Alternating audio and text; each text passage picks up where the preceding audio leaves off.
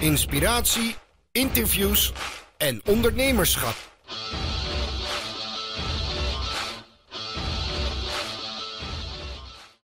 Uh, ik begin gewoon, Bas, want uh, ik ben niet van de lange aankondigingen of de, de grote verhalen vooraf. Um, ik zit hier uh, ja, naast jou, Bas, oprichter en eigenaar van, van Discounts en een aantal andere toffe online ondernemingen. Als je niet in de branche zit, is best grote kans dat je nog nooit van Discounts hebt, hebt gehoord. En vorig jaar wonnen jullie ineens de FT Gezelle Award voor snelst groeiende e-commerce bedrijf. En hoe is dat zo snel gegaan? Want volgens mij is dat echt in, een no time gebeurd. Ja, je had nu even twee dingen door elkaar. Want we hebben de Cross Border Award gewonnen voor snelst groeiende business. En een FD Gezelle Award hebben we ook gewonnen daarnaast. Dat zijn twee verschillende prijzen. Twee woord. Check. Maar um, uh, nee, de Cross Border uh, Award hebben we gewonnen uh, doordat we het snelste zijn gegroeid buiten Nederland. Daarom heet het Cross Border Award. Dus we hebben percentueel gezien de meeste omzetstijging gemaakt in het buitenland van alle mensen die zich op hadden gegeven. En dat zijn er nogal wat. Dat is toch wel echt, dat is wel echt heel erg gaaf. Wat ga je dan doen op het moment dat je weet, ik, ik heb hem gewonnen? Ga je dan door het dak of ga je de volgende dag gewoon weer lekker verder met je business, zeg maar? Ja, het is te geven een goede boost aan je, aan je team natuurlijk, aan je mensen. Omdat ze toch wel het idee hebben dat, je het, niet, dat het niet doorsneden is wat je allemaal aan het doen bent. Uh, dat je zo hard gaat. Uh, zeker gaan de dingen gewoon verder. Maar ja, op het moment van winnen sta je wel even te juichen op het podium en te high-fiven met je team. dat is zeker zo, ja. Hey, even een paar stapjes terug, hè, want ik begin eigenlijk bij het einde nou stiekem. wij kennen elkaar sinds 2016, toen we in België was dat. Een weekendje hebben gedaan met uh, acht ondernemers. Daarvan keer je er aan het begin van zo'n weekend twee of zo. En aan het eind keer alle acht of negen of hoeveel er ook waren. Um, toen was het ook nog wel een verhaal van uh, de digitale nomade die de wereld afreist en tegelijkertijd zijn e-commerce business is gaan, gaan runnen. En neem ons eens mee in die reis vanaf, vanaf het begin, zeg maar. Klopt, tegenwoordig noem ik mezelf ondernemer op slippers. Dus uh, om, die, uh, om die taak ook serieus te nemen is het gewoon belangrijk dat je veel op reis gaat. Vooral geniet van, uh, van wat je aan het doen bent. Um, nou, ik had vroeger altijd als droom, toen ik, weet ik veel, een jaar of 12, 13 of zo was, misschien nog wel jonger. Toen had ik al zoiets van, ja oké, mijn droom is gewoon om met mijn backpack rond de wereld te reizen en mijn laptop mee te nemen en mijn business van waar dan ook ter wereld te runnen. Um, en toen ik zo klein was, was dat zeker niet een doorsnee droom of zo. Want uh, ja, uh, sterker nog, ik las gisteren dat het internet pas 30 jaar is. En, uh, ja, en ik ben 34. Dus eigenlijk is het internet vier jaar jonger dan dat ik zelf ben.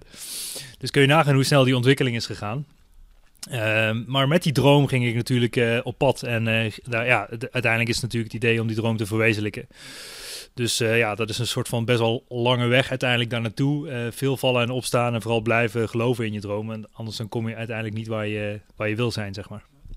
Ik kan me nog herinneren van uh, vorig jaar op het IMU-event dat je daar een verhaal vertelde wat echt bleef, bleef hangen. Nou, ik denk dat er waren meer mensen daar niet als wel, dus misschien goed om dat even te herhalen.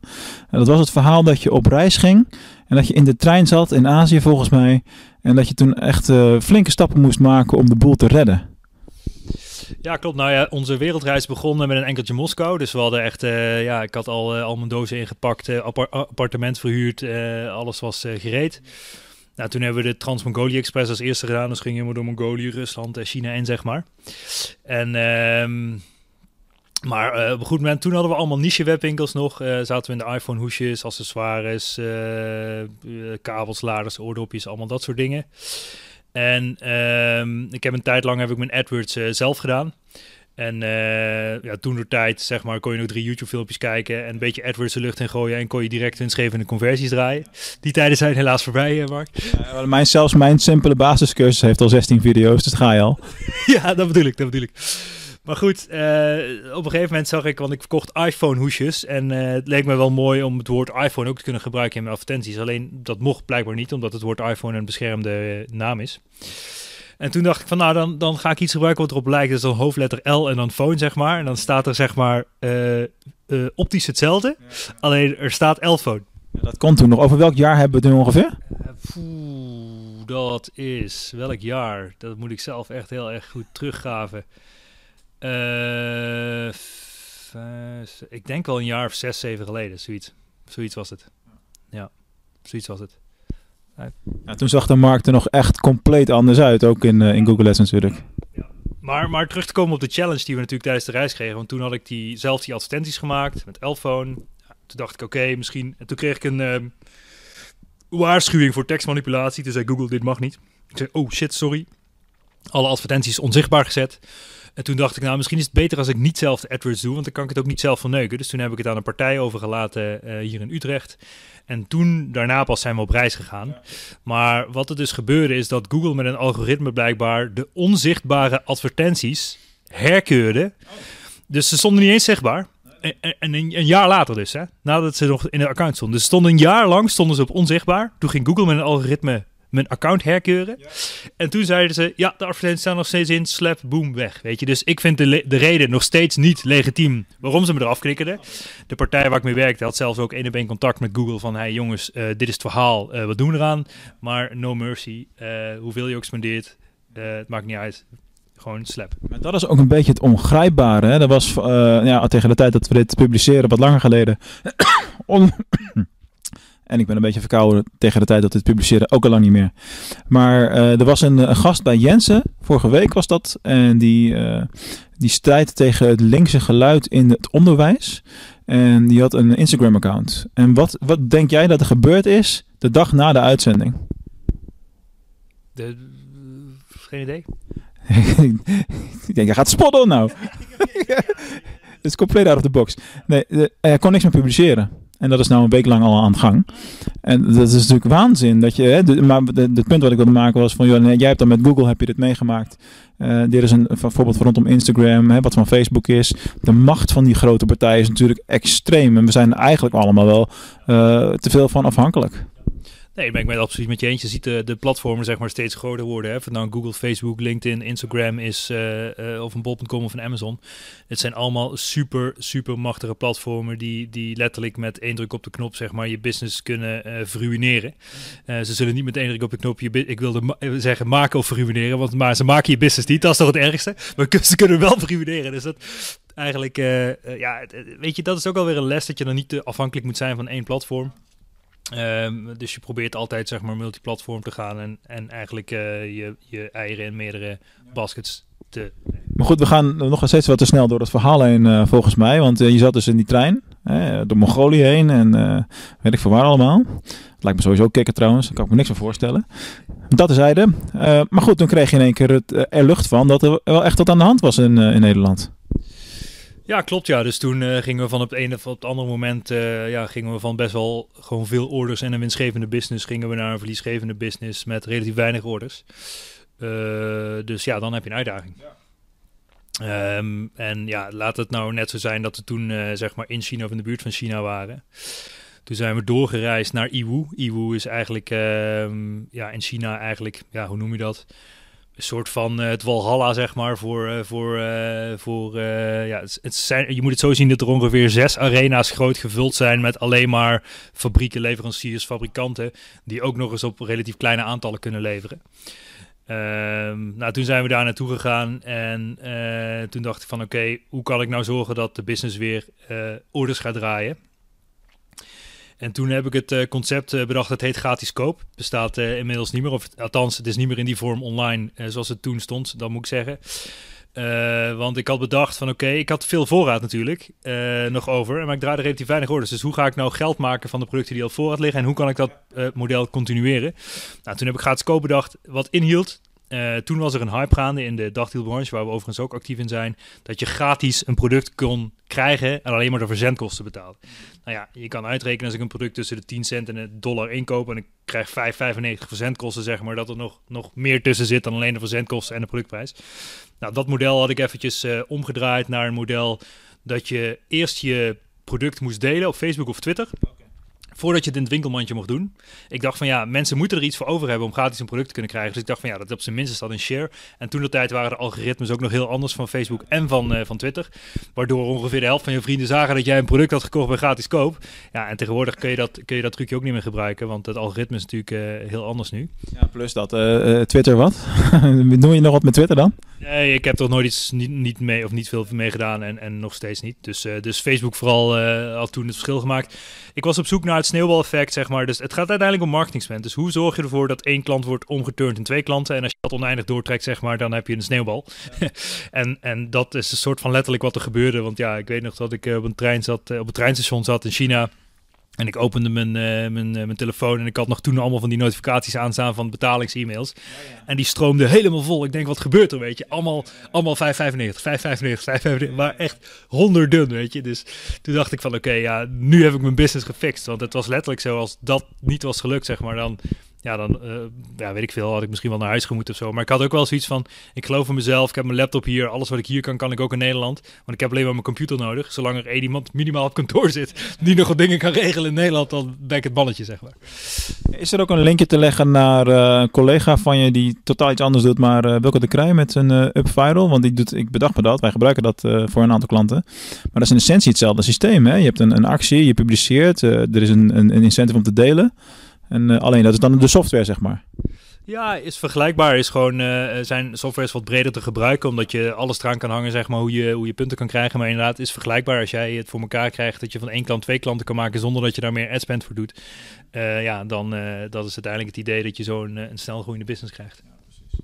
Hey, en uh, ja, op een gegeven moment kwam je weer uh, terug na een, uh, een, lange reis. En ja, fast forward, een aantal jaar later zit je hier met een heel team. En heb je, ben je actief op allerlei verschillende manieren.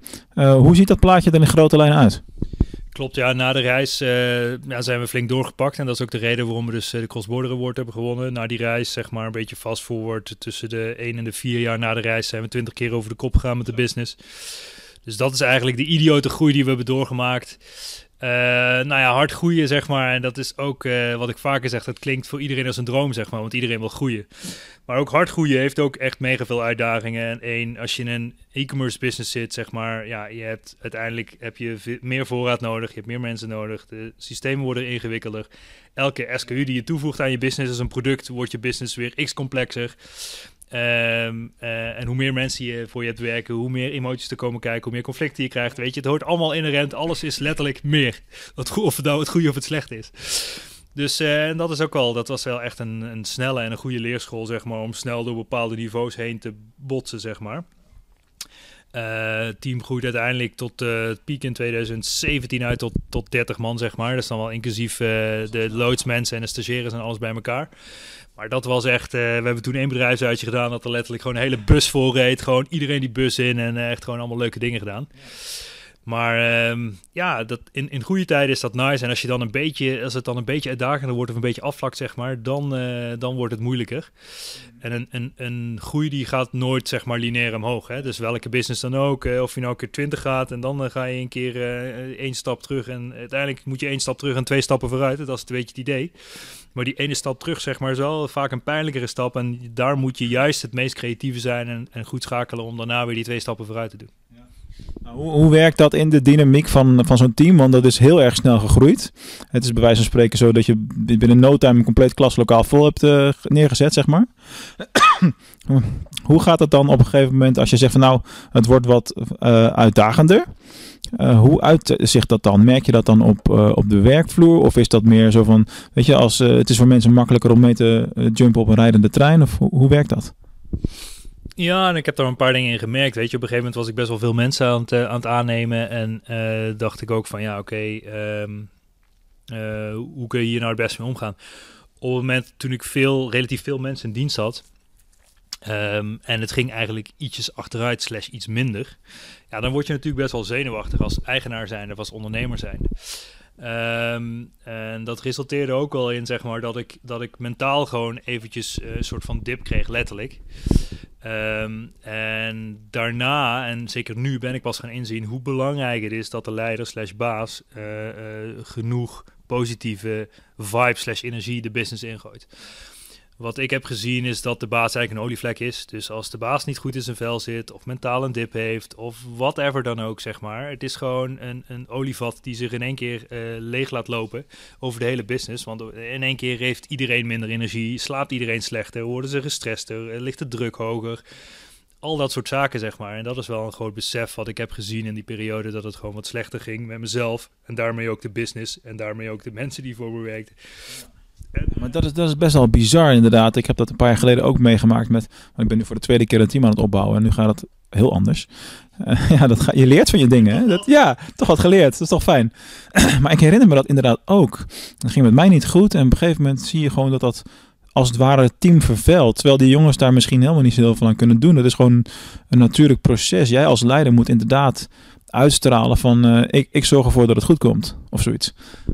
Ja, dat klopt. En uh, kijk, de grootste les die ik eruit heb geleerd is dat je je basis altijd op orde moet hebben. En dat zijn, ik, dat zijn eigenlijk, ik noem het de SVS, zeg maar. Dus als je sport, je voeding en je slaap. Die drie dingen moet je als persoon continu onder controle houden. En voor jezelf de ondergrens bepalen van, oké, ik ga als je minimaal één keer per week gaat sporten, is het de ondergrens, maar het liefst drie of vier keer je voeding, zeg maar, ja, je moet niet gewoon de hele week pizza's gaan eten. Want dan weet je dat je het einde van de week niet veel beter voelt aan het begin van de week.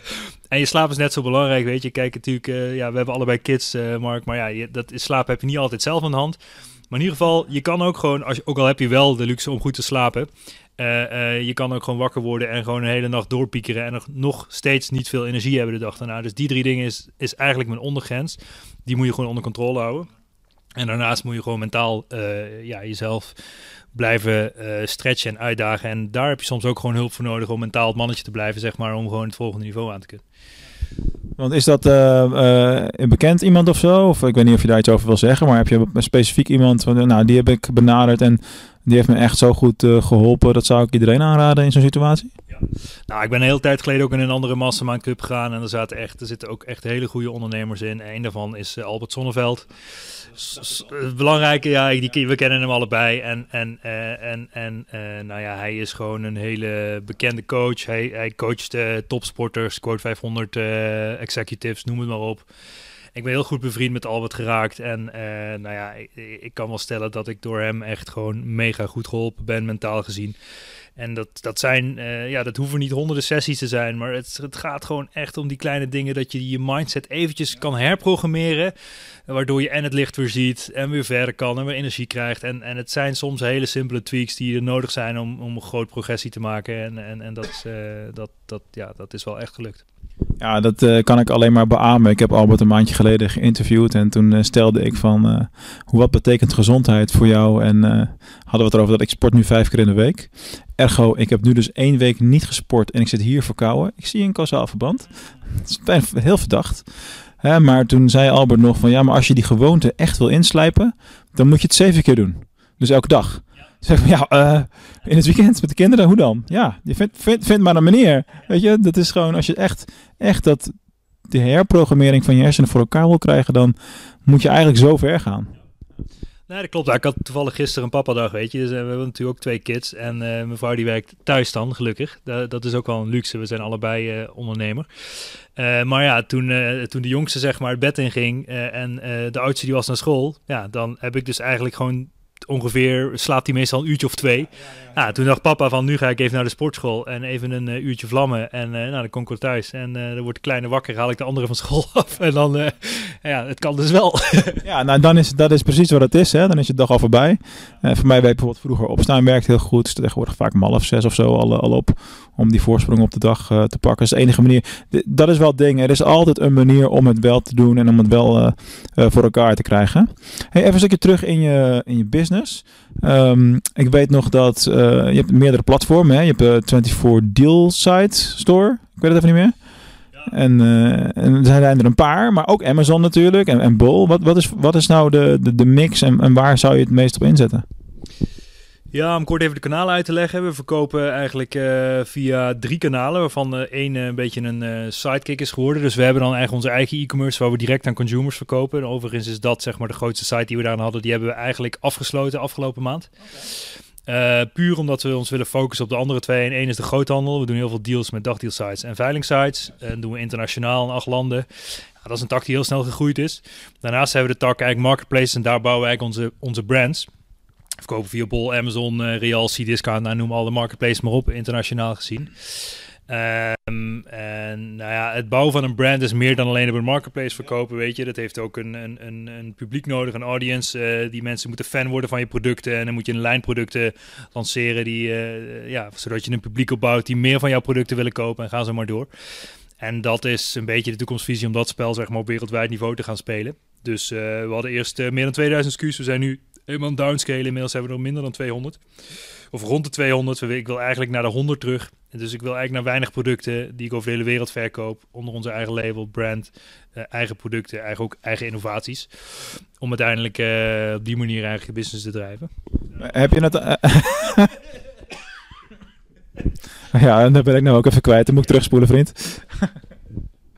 Hey, maar als je het hebt over het bouwen van een, eh, een, merk, dat is iets wat je heel veel hoort nu in combinatie met, met marketplaces. Daar komt natuurlijk gigantisch veel bij kijken. Ik bedoel, uh, dan heb je het ineens over uh, logo's en Facebook en, en wat moet je merk zijn en een verhaal erachter en dat soort dingen allemaal. Of, of ga ik dan iets te ver door? Nee, daar, daar sla je wel spijker op de kop. Ik denk dat je een duidelijke missie, een visie en een strategie nodig hebt voor je merk. Dat is één. Je hebt de juiste mensen nodig, je hebt de juiste platformen nodig, de juiste kennis van die platformen. Maar je hebt ook het is veel ingewikkelder dan dat, want zeker weet je, kijk, mijn idee is ook niet om zomaar een product, uh, uh, ik noem het even off the shelf, dat is gewoon zeg maar uit de fabriek te plukken, een logo erop te plakken en dan te zeggen dit is mijn merk. Maar het is veel meer dan dat. Uiteindelijk zeg maar de next level daarin is, is het, is het customizen van de producten. Dus hoe kan ik een product beter uh, of makkelijker of, of goedkoper maken dan, uh, dan mijn concurrentie. Dat is één. En dan daar het niveau daarop is weer gewoon dat je helemaal van scratch af aan, vanaf de tekentafel zeg maar, een product maakt. En het idee is dan bijvoorbeeld om een Indiegogo of een Kickstarter te starten. Dan heb je een soort van marktvalidatie. Dan kun je zonder dat je al drie containers hebt afgenomen, kun je kijken, gaat dit werken? En als het antwoord daar dan ja op is, dan moet je gewoon vol gas en gewoon de wereld veroveren.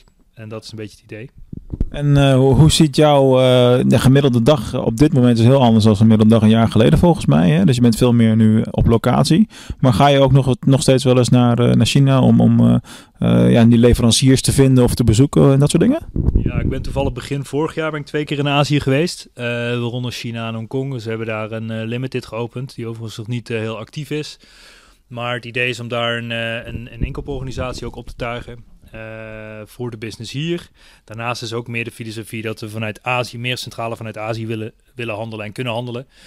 Want je ziet toch dat die, uh, nou, als, ik, als de Chinezen steeds slimmer worden, ik, wil zeggen Aziaten, maar Azië als een, in zijn geheel, je hebt natuurlijk ook Azië is groter dan alleen China en ook Vietnam en, en Cambodja en al die andere landen. Maar goed, wij doen veel zaken met China de Chinezen, sterker nog meer, volgens mij is meer dan de helft. Ik heb laatst statistiek gelezen, ik weet ze niet uit mijn hoofd, van de sellers op een Amazon of een, of een Bol, zeg maar, zijn gewoon Chinese sellers. Ja, Bol trouwens niet, Bol uh, wordt erin, maar op Amazon wel. Amazon is het grootste platform van de wereld.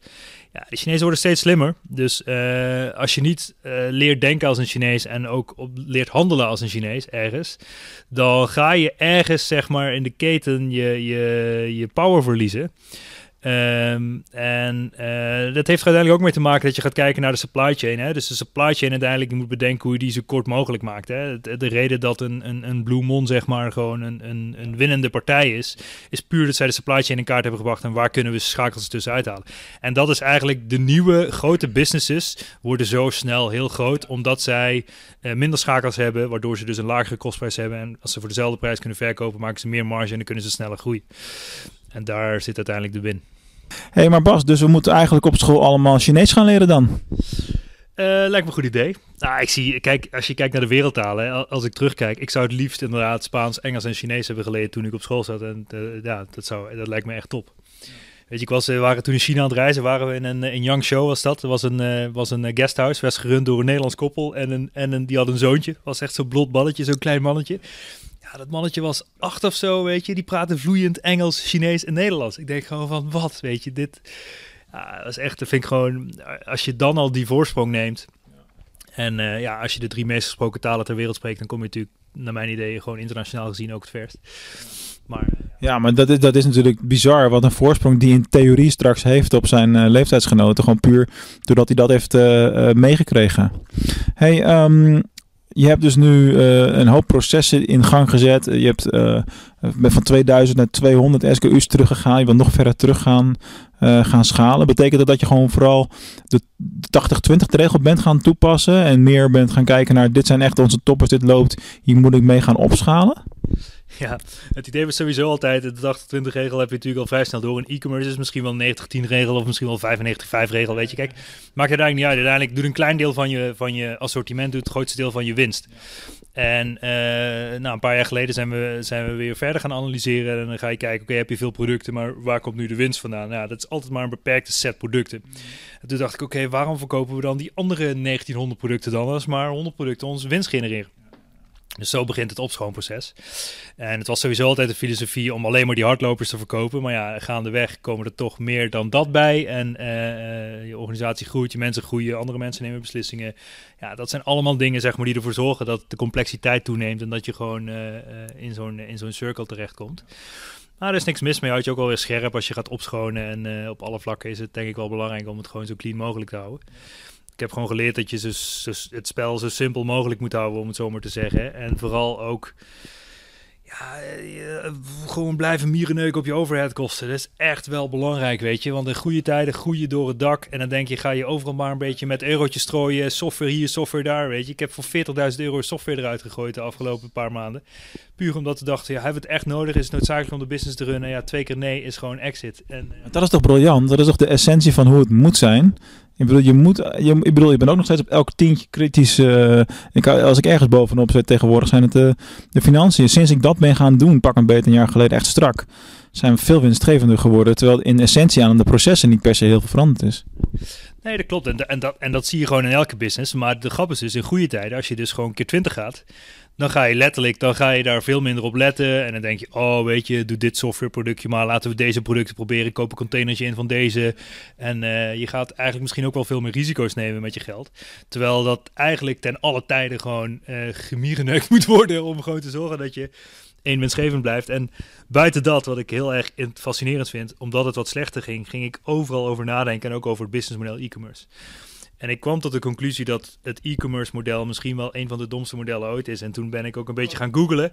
En ene Pieter Zwart heeft daar ooit zeg maar ook over gezegd van dat e-commerce eigenlijk het domste model ooit is. En waar ik het overigens voor een heel groot deel mee eens ben. Want als je het echt gaat analyseren, is in de top 200 e-commerce bedrijven in Nederland.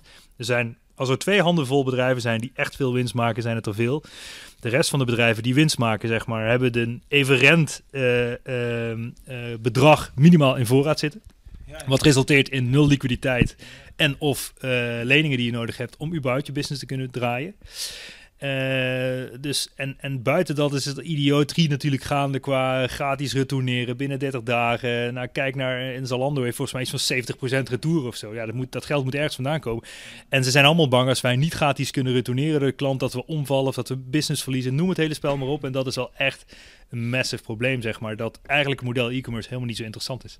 Nou ja, daar zeg je wel wat. Daar had ik toevallig vanmorgen een uh, gesprek over met uh, collega Rob van Gent. Uh, andere jongen, die zit heel erg in de fashion momenteel.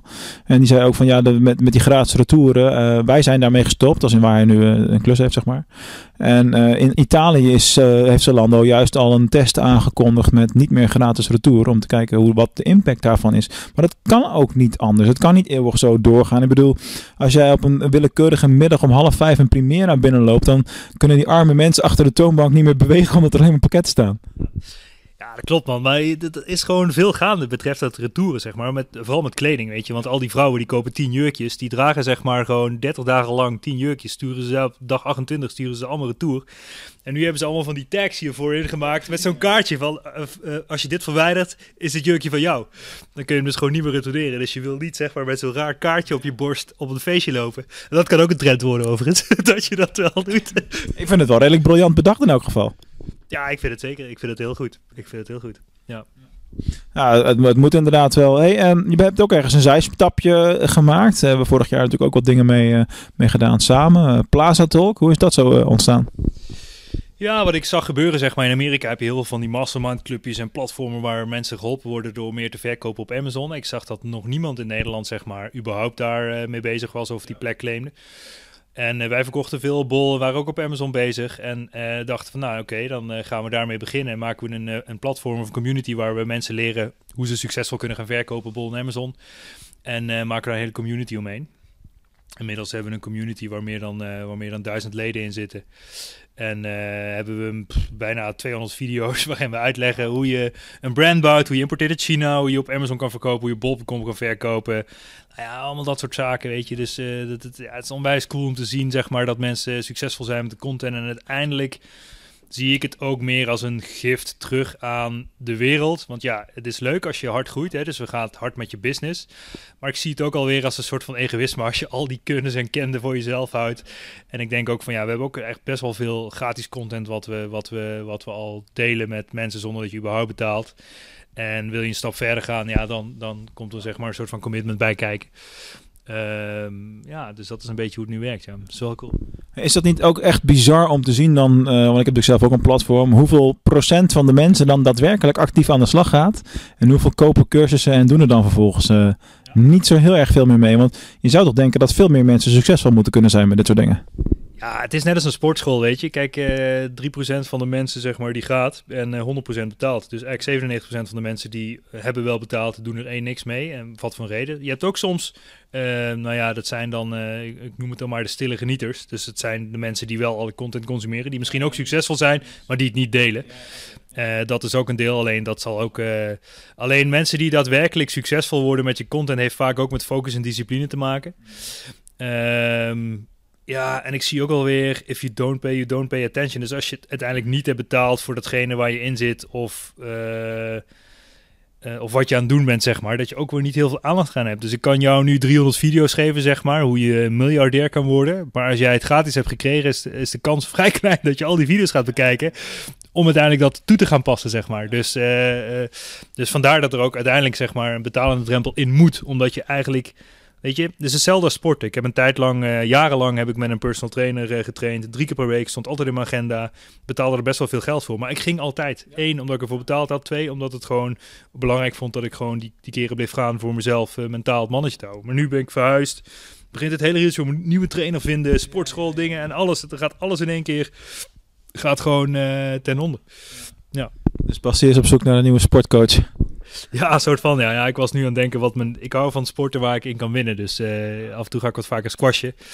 Uh, maar eigenlijk ook krachttraining heb ik altijd wel gedaan. Maar eigenlijk vind ik het ook best wel saai. Dus ja, dan dacht ik ook van ja, hmm, weet je, soms uh, ben ik krachttraining aan het doen en, en, en, en ja, en nu, nu ga ik af en toe gewoon ook gewoon uh, drie kwartier lang op mijn cross trainer staan en ga ik gewoon uh, YouTube filmpjes kijken van Steve Jobs of een podcast luisteren, wat dan ook. Ja. ja, waarom niet toch? Hey, top man, mooi verhaal. Um, ik wil afsluiten met uh, de bij mij klassieke vraag. Als je een beetje in je geheugen graaft, dan weet je misschien wel waar het, uh, waar het naartoe gaat. Uh, Bas, wat zou jij doen met duizend pingpongballen? Wat zou ik doen met duizend pingpongballen? Is het een letterlijke vraag? Oké. Okay. nou, ik zou kijken in welk land de pingpongbal het duurst wordt verkocht. en vervolgens zou ik ze daar gaan aanbieden. En als Amazon daar is, is dat een hele logische stap. Maar goed, ja, dan kun je er het meest geld van maken. En het is wel een hele goede vraag, want uiteindelijk is het belangrijkste denk ik aan de vraag van hoe ga je creatief om zeg maar met weinig middelen en dat is hoe je begint. Hè? Dus als ik kijk naar mijn business, ben met 350 euro letterlijk begonnen. En blijkbaar kun je een business tot 7 miljoen laten groeien uh, vanaf een paar honderd euro. En het gaat al, heeft allemaal met creativiteit te maken. Ook wel met de juiste mensen. En uit af en toe heb je een beetje geluk nodig. Nou, noem alles maar op.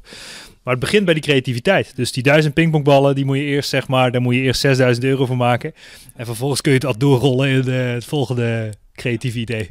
Nou Bas, ik uh, sluit af met als jij van 1000 pingpongballen 6000 euro omzet weet te maken, dan heb ik morgen 100.000 pingpongballen voor je.